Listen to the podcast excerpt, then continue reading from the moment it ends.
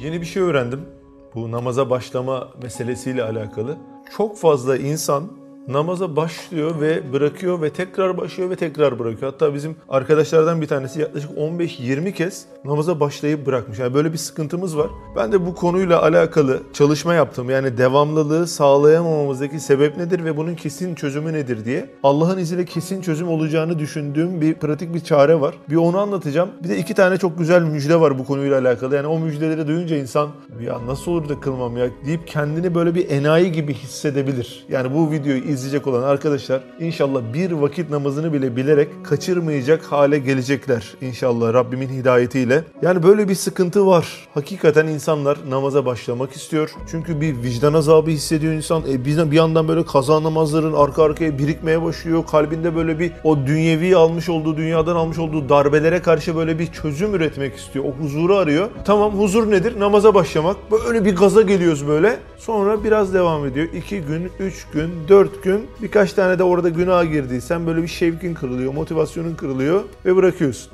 Önce şöyle filmi biraz ileriye sararak başlayalım. Kaç yaşındayız? 18, 20, 22, 25 neyse. Herkes şöyle bir geleceğe doğru bir yolculuk yapsın. Kendini şöyle bir hayal et. İstiyorsan gözlerini kapat. 78 yaşındasın. Yüzünün ne halde olduğunu şöyle bir hayal et. Hani bazı uygulamalarla yapıyorduk ya telefonda buruş buruş. Genelde uygulamaya bakanlar böyle aa gülüyorlar hallerine değil mi? Ya o fotoğrafa bakıp ağlamamız lazım. O fotoğrafa bakıp üzülmemiz lazım. İbret almamız lazım ama uygulama tam tersi bir etki yaptı. Video izleyen kardeşim kendimizi 78 yaşındaki halimizi hayal ediyoruz. Yani bizi bekleyen akıbet nedir? Yüzümüz buruşmuş, belki biraz kambur. Vücut artık eskimiş, artık hastalıklar eskisi gibi kolay iyileşmiyor. Hastanenin yolunu tutuyorsun. Böyle elinin üzerine dizdiğin ilaçların var artık sırayla atıyorsun sabah akşam. Yalnızlaşmışsın, artık telefon çok az çalıyor. Arayan soran yok çünkü insanların senden çok fazla menfaati kalmamış. Belki evladın arıyor, belki o da ayıp olmasın diye arıyor. Torunların zaten kendi halinde, herkes kendi dünyasında. Hayat biraz yalnızlaşıyor, musibetler biraz çoğalıyor. 78 yaşına geldiğinde insanın iki türlü düşüncesi olur. Bir, Allah'ın emir ve yasaklarına uyarak yaşamış, geriye dönüp baktığında namaz borcu olmayıp Rabbine yaklaşmanın huzuru içinde olan bir insan modeli düşünün. Bir de düşünsene, başlamamışsın namaza, yaşın 78 olmuş, ergenlik çağından beri işte hesaplıyorsun, hesap kitap yapıyorsun. 60-70 senelik kaza namazın var. Hep ertelemişsin, hep bir şeyler var. Şimdi böyle bir insanın zaten dünyadan lezzeti kaçmış, kabre yaklaşmış. Böyle bir insan en azından arkasına bakıp elhamdülillah bütün kaza namazlarımı bitirdim, namazlarımın hepsini kıldım demesi var. Bu yaşta önündeki ölüme bakıp, geçmişteki borçlarını düşünüp, o ruh halimizin nasıl olacağına şu andaki amellerimizle karar veriyoruz. Düşünsenize dünyanın tadı tuzu nedir? Siyah beyaz bir İstanbul videosu vardı. Hakikaten çok ibretlik. 1920'lerde çekmişler. Böyle gülüşen çocuklar var sağda solda. Biri o tarafa koşturuyor, biri bu tarafa. Kimi kameralardan kaçıyor böyle. Ya o insanlar şu anda toprağın altındalar ya. Ne kaldı elimizde ne kaldı? Yani bizi meşgul eden ya bu nasıl oluyor deyip kafaları yediğimiz şeylerin hepsi geçmiş gitmiş. Kapı çalıyor. Ne yaparız? Çakalım. Açmıyoruz. Tekrar çalıyor. Duruyoruz böyle. Sen yorum yapıyorsun. Aa bu sefer hızlı çaldı ha falan diyorsun. Kapıyı kimse açmıyor ama. Sonra vuruyor. Diyoruz ki bayağı sinirlendi ya. Yorum yapıyoruz. Muhabbet ediyoruz. Kapıyı açan yok. 20 kere çaldı kapı. Kimse açmıyor kapıyı. Bir gariplik var değil mi Enes? Yani kapının arkasında ne var? Kim olduğunu da bilmiyoruz. Ne olduğunu da bilmiyoruz. Ama açmıyoruz kapıyı. Böyle muhabbet etmeye, olayı yorumluyoruz. Sürekli yorum yapıyoruz. İşte bazen bizim hayatımızda da böyle kapılar çalıyor İbrahim. Bir musibet geliyor. Kapının arkasında bize bir şeyler söylenmek istiyor. Allah'ın bir mesajı var kapının arkasında. Bir şeyleri yanlış yapıyorsun. Hayatına bir musibet geliyor. Ne oldu? Bir haram sevdaya gönlünü kaptırdın. Ayrıldın. Aylar boyunca gönül yarası yaşıyorsun. Bak o bir kapı çalması. Sen ne yapıyorsun? Olayı yorumluyorsun. Niye ayrıldı benden? Acaba tipsiz miyim ben ya? Allah Allah çok mu kıskandım? Yorum yapıyorsun bak bu ne biliyor musun? Kapının çalışıyla ilgili konuşmalar. Sert çaldı, yumuşak çaldı. Ya kapının arkasında bir mesaj var. Bir hastalık geliyor, aylar boyunca seni yatırıyor. Bu nedir?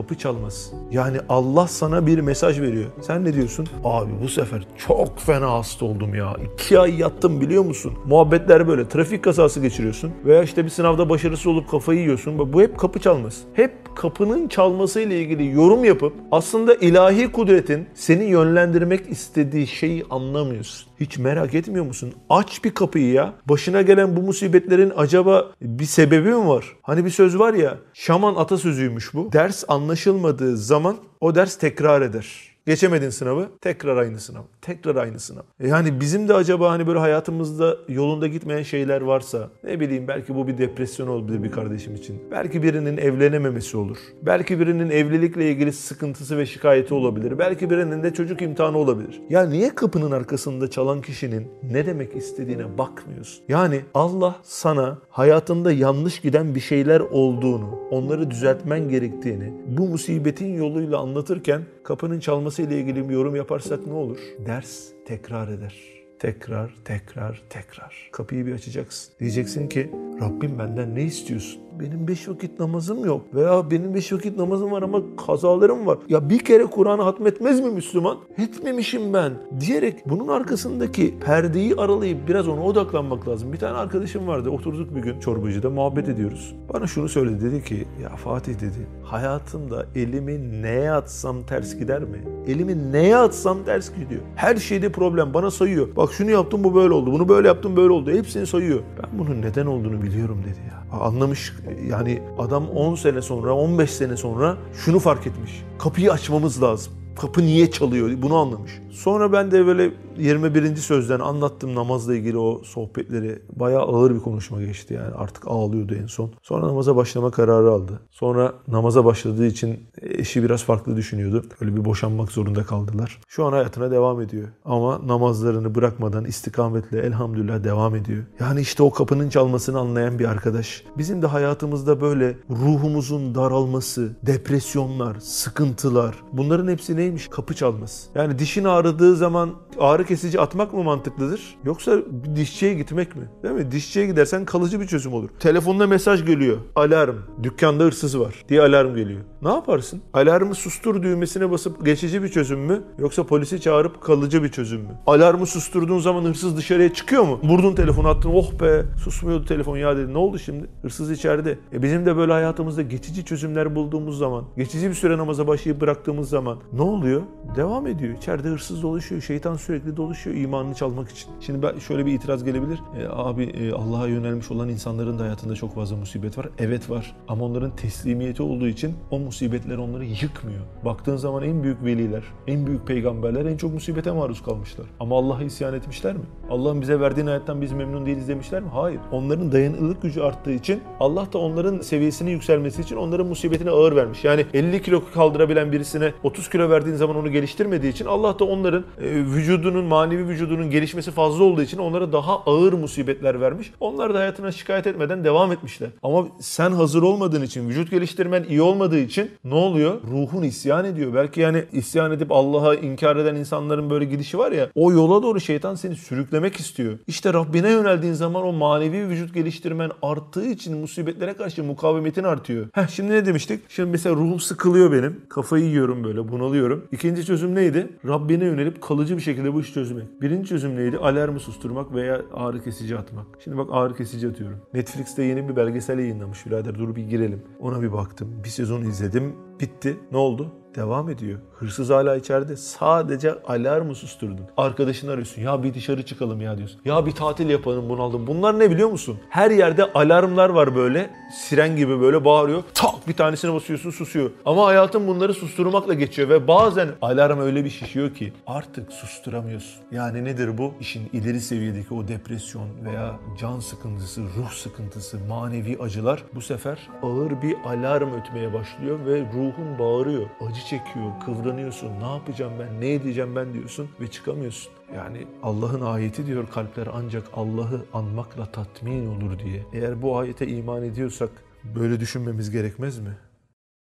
Neden anlamak istemiyorsun kardeşim? Neden anlamama konusundaki bu gayret niye? Sen farklısın. Senin vicdanın var. O vicdanı daha öldürmediğin için şu anda mesela bu videoyu izliyorsun. O vicdanın bir yerlerinde bir kıpırtı olmasa kapatırsın bu videoyu. Sağ tuşa basıp bana bu kanalı önerme, bana bu videoyu önerme dersin değil mi? Ne tam manasıyla ehli dünya olabiliyorsun ne ahirete yönelebiliyorsun. Belki de en garibi bu. Ne oluyor? Bir türlü işin içinden çıkamadığın, içinde bazı böyle acılar yaşıyorsun, stresler yaşıyorsun, sıkıntılar yaşıyorsun. Yani farklısın sen. Sen onlar gibi olamazsın. Ehli dünya arkadaşların gibi olamazsın.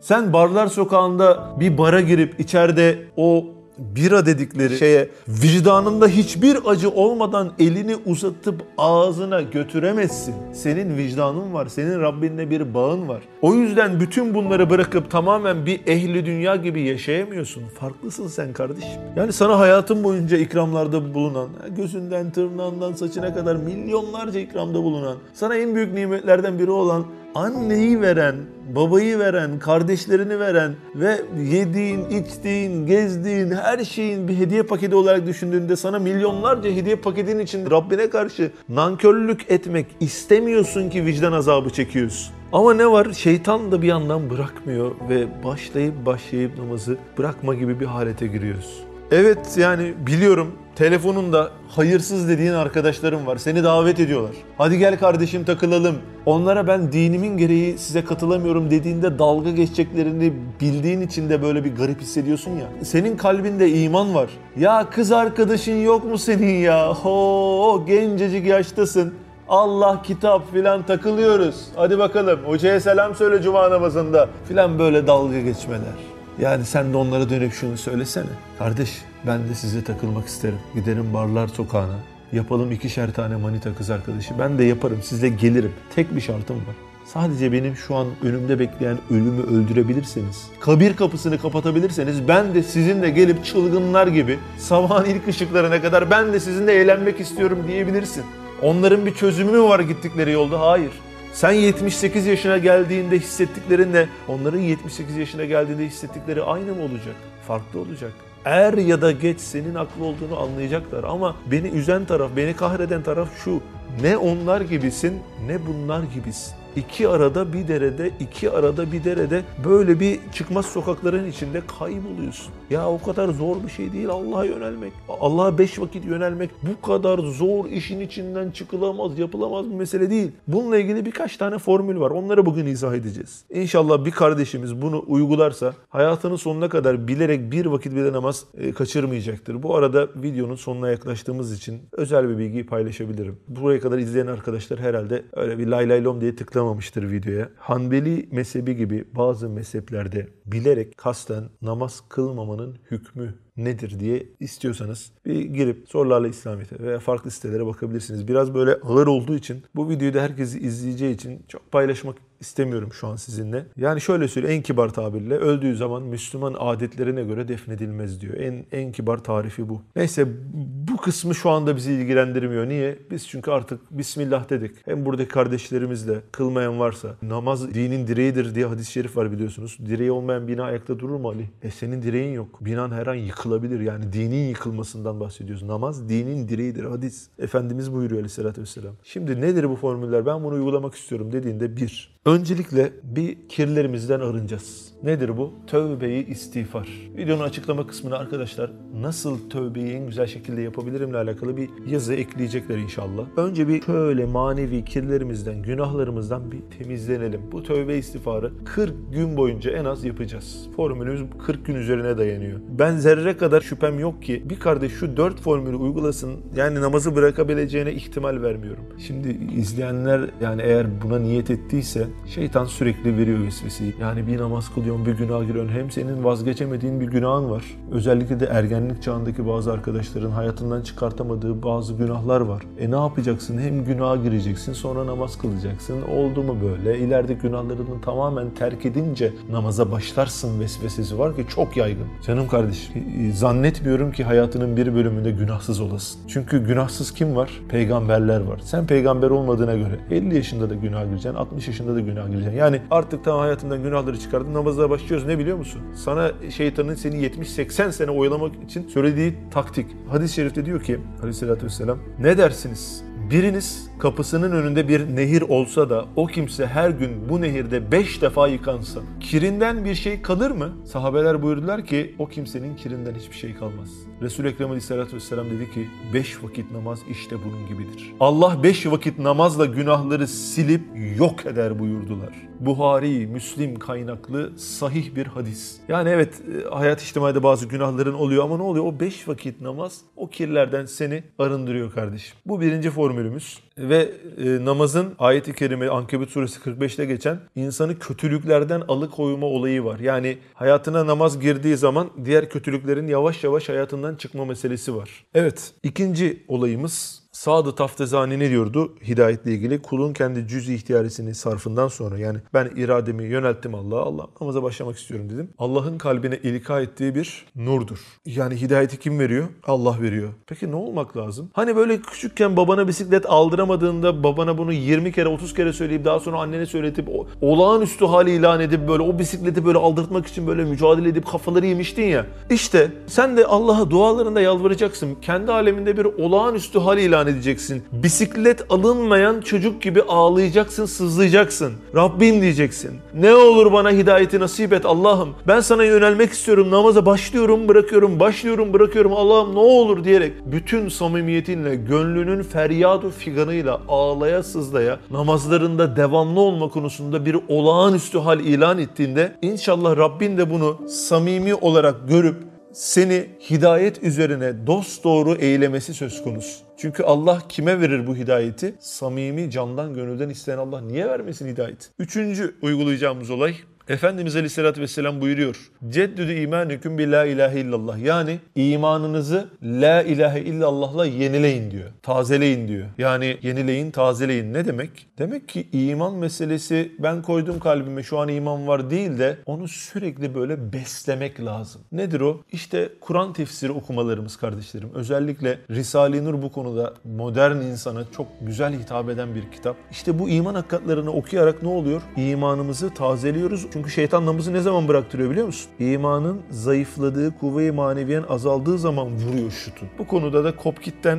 e, Instagram'dan Kopkit sayfasından nasıl okuyacağım, nereden başlayacağım, kaç sayfa okuyacağım yardım alabilirsiniz. Formülümüzün dördüncü ayağında çok önemli bir şey var. Çünkü Sözler Köşkü'ne gelen birçok kardeşte namazda devamlı olamama sıkıntısı var. Özellikle bu formül, şu dördüncü söyleyeceğim şey çok işe yarıyor. Düşünsene gün içinde takılmış olduğun 20 tane arkadaşın var ya 10 tane diyelim. Namazında, niyazında çocuklar. Kafede oturuyorsun, beyler vakit çıkıyor diyor kalkıyor. Sen o an kalkmadığında ne hissedersin?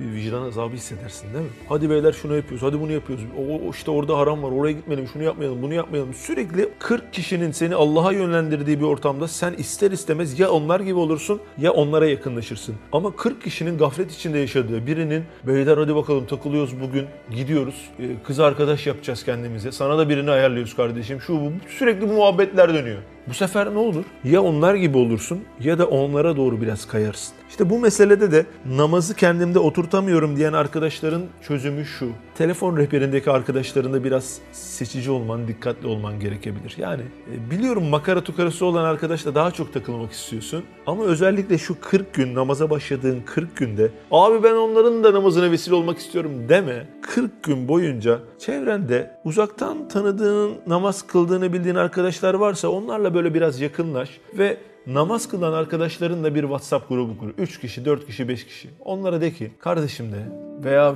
şu an namaza başlayacağın, beraber başlayacağın arkadaşlarınla WhatsApp grubu kur. Deyin ki var mısınız şeytan bizi kandırmasın diye kendi aramızda bir dayanışma kuracağız. WhatsApp grubundan herkes birbirine rapor verecek. 5 vakit namazını bugün kıldın mı kılmadın mı diye. Tamam mı tamam diyerek her gün gece 11'de veya 11.30'da kendi aranızda anlaşıp işte ben bugün 5 vakit full beyler. Ben 5 vakit kıldım bugün elhamdülillah hadi kardeşim. Bu sefer ne oluyor biliyor musun? Böyle bir kontrol mekanizması oluşturunca hani kendine güvenemiyorsun. Çünkü daha önce defalarca başlayıp başlayıp bırakmışsın ya. Ama bir kontrol mekanizmasını kendi iradenle kurunca ne oluyor biliyor musun? O arkadaşların sürekli seni bu konuda teşvik ediyorlar. İşte 4 vakit kıldım diye oraya yazmak istemiyorsun. Bugün 3 vakit kıldım diye yazmak istemiyorsun. Ve sürekli o seni böyle zinde tutuyor. Eğer hayatındaki e, hayırsız arkadaşlarını da en azından 40 günlüğüne hayatından uzak tutarsan, etrafında sürekli seni hayra çalışan arkadaşların varken, hayra davet eden arkadaşların varken namazı bırakman anda e, biraz zor olur diye düşünüyorum. Ve 40 günde enteresan bir rakam. Ben bunu birinden duymuştum. Yani 40 gün namaza başlayan bırakamaz, başlayan bırakamaz diye. Ve yıllar sonra bu cümle aklıma geldi ve namaza o şekilde başladım. Biraz da böyle arayıştaydım. Hakikaten 40 gün boyunca 5 vakit namazını aksatmadan kılan. Yani kaçırdıysan da yani mesela sabah kalkamadın. Mutlaka kazasını uyumadan önce yapacak şekilde 40 gün boyunca namaz kılan buradan ben iddia ediyorum o namazı bırakamaz. Peki müjde nedir? Birinci müjde şu. Dördüncü sözde geçen ifadeyi okuyorum size. Namaz kılanın diğer mübah dünyevi amelleri güzel bir niyetle ibadet hükmünü alır. Namaz kıldın, kitap okudun, namaz kıldın, işte burada tripodu kurdun, bir şeyler yaptın. Normal gündelik hayatta yaptığımız şeylerin ibadet olduğunu düşünsene. Böyle bir şey var mı? Bak burada yazıyor. Yani normal dünyevi yaptığımız, günah olmayan şeyler tabii ki. Onların hepsi ibadet hükmüne geçiyor. Sabah kıldın, öğleni kıldın. Sabahla öğlen arasında normal şey yaptığın her şey ibadet hükmüne. Bak sonra diyor ki peki böyle olsa ne olur? Abi şu müjdeye bak. Bu surette bütün sermayeyi ömrünü ahirete mal edebilir. Fani ömrünü bir cette ipka eder. Yani gelmişsin 70 yaşına öyle ya da böyle bu yaşa gelecektim. Ya Allah'ın yolunda olmadan, namazını niyazını kılmadan şu an vardığım 78 yaşına varacaktım. Ya da şu an yaptığım gibi namazlarımı kılarak bu yaşa gelecektim. İşte eninde sonunda yol burada kesişecekti. Ben elhamdülillah güzel yoldan geldim ve geçmişe yönelik baktığımda ömrüm boyunca ibadet etmişim gibi diyebileceksin. İkinci söyleyeceğimiz mesele kardeşim. Şimdi videoyu izleyen arkadaşların içinde kaza namazları olanlar var. Hadi kaza namazı 6 ay, 1 sene olanlar neyse de abi 15 sene kaza namazım var ne yapacağım biter mi diyen arkadaşlar var. Ve sayıca oldukça fazla yıllardır kaza namazı olan. Sorularla İslamiyet diye bir fıkıh sitesi var arkadaşlar. Orada geçen alanında uzman olan arkadaşların makalesinden aynen okuyorum. Varsayalım ki bir mümin 40 yaşına kadar namaz kılmamış, sonra pişman olup namaza başlamış olsun. O kimse bundan sonra örneğin her gün bir günlük kaza namazı kılmaya niyet edip hiç aksatmadan 10 yıl kaza namazı kılmaya devam etse. Ama kaza namazlarını bitiremeden vefat etse. Şu anda borcu var değil mi? Onun bu niyetinden dolayı sonsuz merhamet sahibi olan Yüce Allah o kimsenin kılamadığı namaz borçlarını inşallah affeder. Çünkü Cenab-ı Hak ona ömür vermiş olsaydı o kimse kılamadığı bütün namazlarını kaza etmiş olacaktı. Cenab-ı Hak bir kutsi hadiste şöyle buyurur. Buhari kaynaklı. Kulum beni nasıl tanırsa onunla öyle muamele ederim. Ee, yine başka bir hadis Buhari Müslim kaynaklı. Ameller ancak niyetlere göredir. Başka bir hadis meali de Buhari Müslim kaynaklı. Allah meleklerine şöyle buyurur. Kulum bir iyilik yapmaya niyet eder fakat yapmaya muktedir olamaz ise ona bu güzel niyetine mükafat olarak tam bir iyilik yapmış gibi sevap yazın. Demek ki samimi tövbe edip bütün kaza namazlarını bitirmek niyetiyle kaza kılmaya başladığımızda kazalarımızı bitirmeden ölüm yolumuzu keserse bitiremediğimiz borçlarımızı Cenab-ı Hak bağışlar. Yani başlama niyetimiz, niyetimize bağlılığımız ve samimiyetimiz Allah'ın merhametine ve mağfiretine inşallah bize yaklaştırır ve kalan borçlarımız bağışlanır. Yani hem namaza başlayıp hem kaza namazına başlamanın böyle bir karı var. Şimdi videoyu izleyen arkadaşlar böyle belki hesap kitap yapmaya başladı. Kardeşim bugün başladın namaza. Kaza namazına da başladın. Her gün kılıyorsun. Yıl, yıllarında borcu var. Burada paylaşılan fıkıh bilgisine göre sen yarın vefat edersen yaşasaydın kaza namazını kılacaktın. Ameller niyetlere göredir hükmüne binaen. Cenab-ı Hakk'ın rahmetinden çok kuvvetle ümit ederiz ki Allah senin o yıllar boyunca kılmamış olduğun kaza namazlarını kılınmış gibi kabul eder. Son olarak arkadaşlar beni uyardı. Instagram'da 5'te 5 namaz diye bir hesap var. Ne kadar üyesi var onun? 366 bin üyesi var. Yani bu namaz kılmakta zorlanan veya namazı kılıp devamlı kılamayan arkadaşları takip programı. Yani işte yatsıyı kılmadın mesela. Seni teşvik ediyor, yardımcı oluyor. Diyorsun işte yatsıyı kıldın, öğleyi kıldın. Oradan böyle çetere gibi işaretliyorsun böyle programı var. Yani biz bu hesabı açtığımızda sıfırdan açıldı ve şu anda 300 bini geçmiş. Yani demek ki çok ciddi ihtiyaç olan bir konu ve içinde de yani sayısını tam bilmiyorum ama epey sayıda kardeşimiz şu anda bu takip programına dahil. Eğer devamlı olmak istiyorsanız da oradan devam edebilirsiniz. Bunlar tamamen ücretsiz hizmetler. Tamamen Allah rızası için yapılan bir sözler köşkünün yan uygulaması bunlar. Rabbim inşallah namaz üzere dost doğru eylesin kardeşlerim. Yani şöyle bir sıkalım dişimizi. 20 sene mi yaşarız, 30 sene mi, 40 sene mi? Sıkalım dişimizi. Namaz zaten bizi bütün kötülüklerden alıkoyuyor. Hayatımızın diğer bölümlerini de temizliyor. Beş vakit namaz arasında yaptığımız her şey ibadet hükmüne geçiyor.